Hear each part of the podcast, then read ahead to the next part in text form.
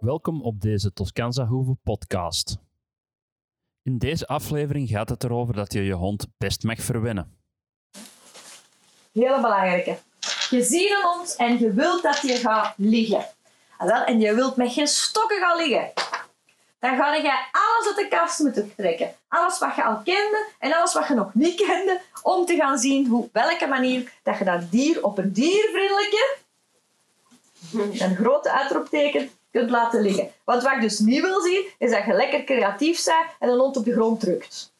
Dat is niet creatief, dat is dierenmishandeling. Dus, maar, allee, ja, als die nu willen gaan liggen en ze willen wel gaan liggen op een deken, wat maakt dat dan in godsnaam uit? En dan horen dikwijls instructeurs op de hondenschool of zo zeggen, ja, je moet ze niet verwennen, of je moet niet dit, of je moet niet dat. Maar god, bedoel, ga jij graag met een blote buik in de sneeuw of in de kou op de koude vloer liggen? Dat doe je toch ook niet graag? En vroeger zeiden ze dan, ja, dat is goed om hard te worden. En mijn vader, dat was zo iemand, die zei, je moet dat doen, want dan word je hard van. Je moet onder een koude douche gaan staan, want dan word je hard van. Nee, ja, dan word je letterlijk hard van. Je spieren en je gewrichten verkrampen zo hard, dat je zo'n een, een pijn hebt overal, door de koude van op je spieren. Spieren hebben warmte nodig. Geen koude.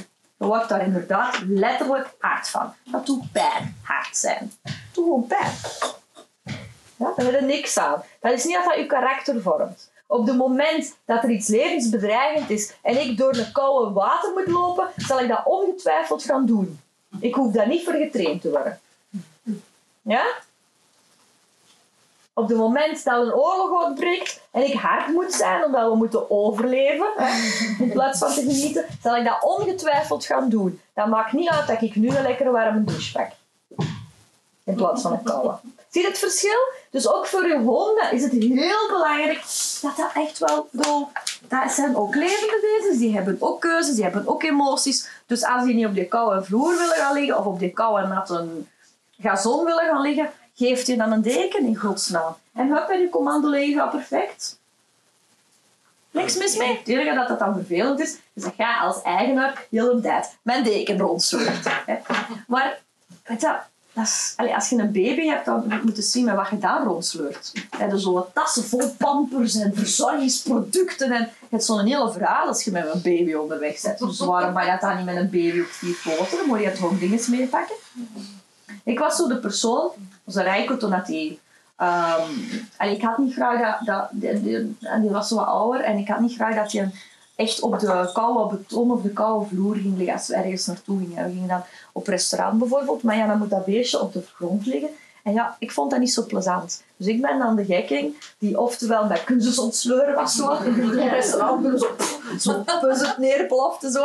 Hè. Oftewel, als ik dan ergens was onvoorzien en we gingen dan toch ergens binnen, dan niks bij had. Ah nee, want je gaat niet op wandel met zo'n kussen. Hè. Inderdaad, de jas uit doe. En het onder, en die hond is dan nat, want het is goed koud geweest, het had goed geregend. Je gaat dan ergens schuilen, je doet je jas aan, je laat je hond op die jas liggen, dan moet je de jas terug aandoen. Ik zet er zelf mestnat, maar uw hond heeft wel zacht gelegen. En snap je een beetje wat ik naartoe wil? Dat, dat, is, dat is mijn mentaliteit. En dat kun je flauw vinden, dat kun je onnozel vinden, maar ik vind ja, dat is gewoon mijn filosofie. En als je daardoor ehm je hond gelukkig maakt en je hond kunt laten leren en je hond op een positieve manier kunt laten leren, waarom niet?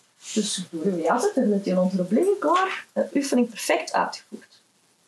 Enige nadeel is dat een, een oefening contextgebonden is. Dus het zou kunnen dat je een hond leert dat liggen altijd op een jas moet gebeuren. Dus daar moet je wel rekening mee houden dat een hond op den duur niet meer gaat willen liggen zonder dat tekentje, of zonder jas, of zonder iets. Dat is natuurlijk een ander iets. Dus wat gaat je thuis moeten doen? Thuis waar dat wel warm is en wel de gewone vloer is, daar ook diezelfde oefening liggen doen, maar dan zonder die jas of zonder dat dekentje, zodat je in die verschillende contexten leert oefenen.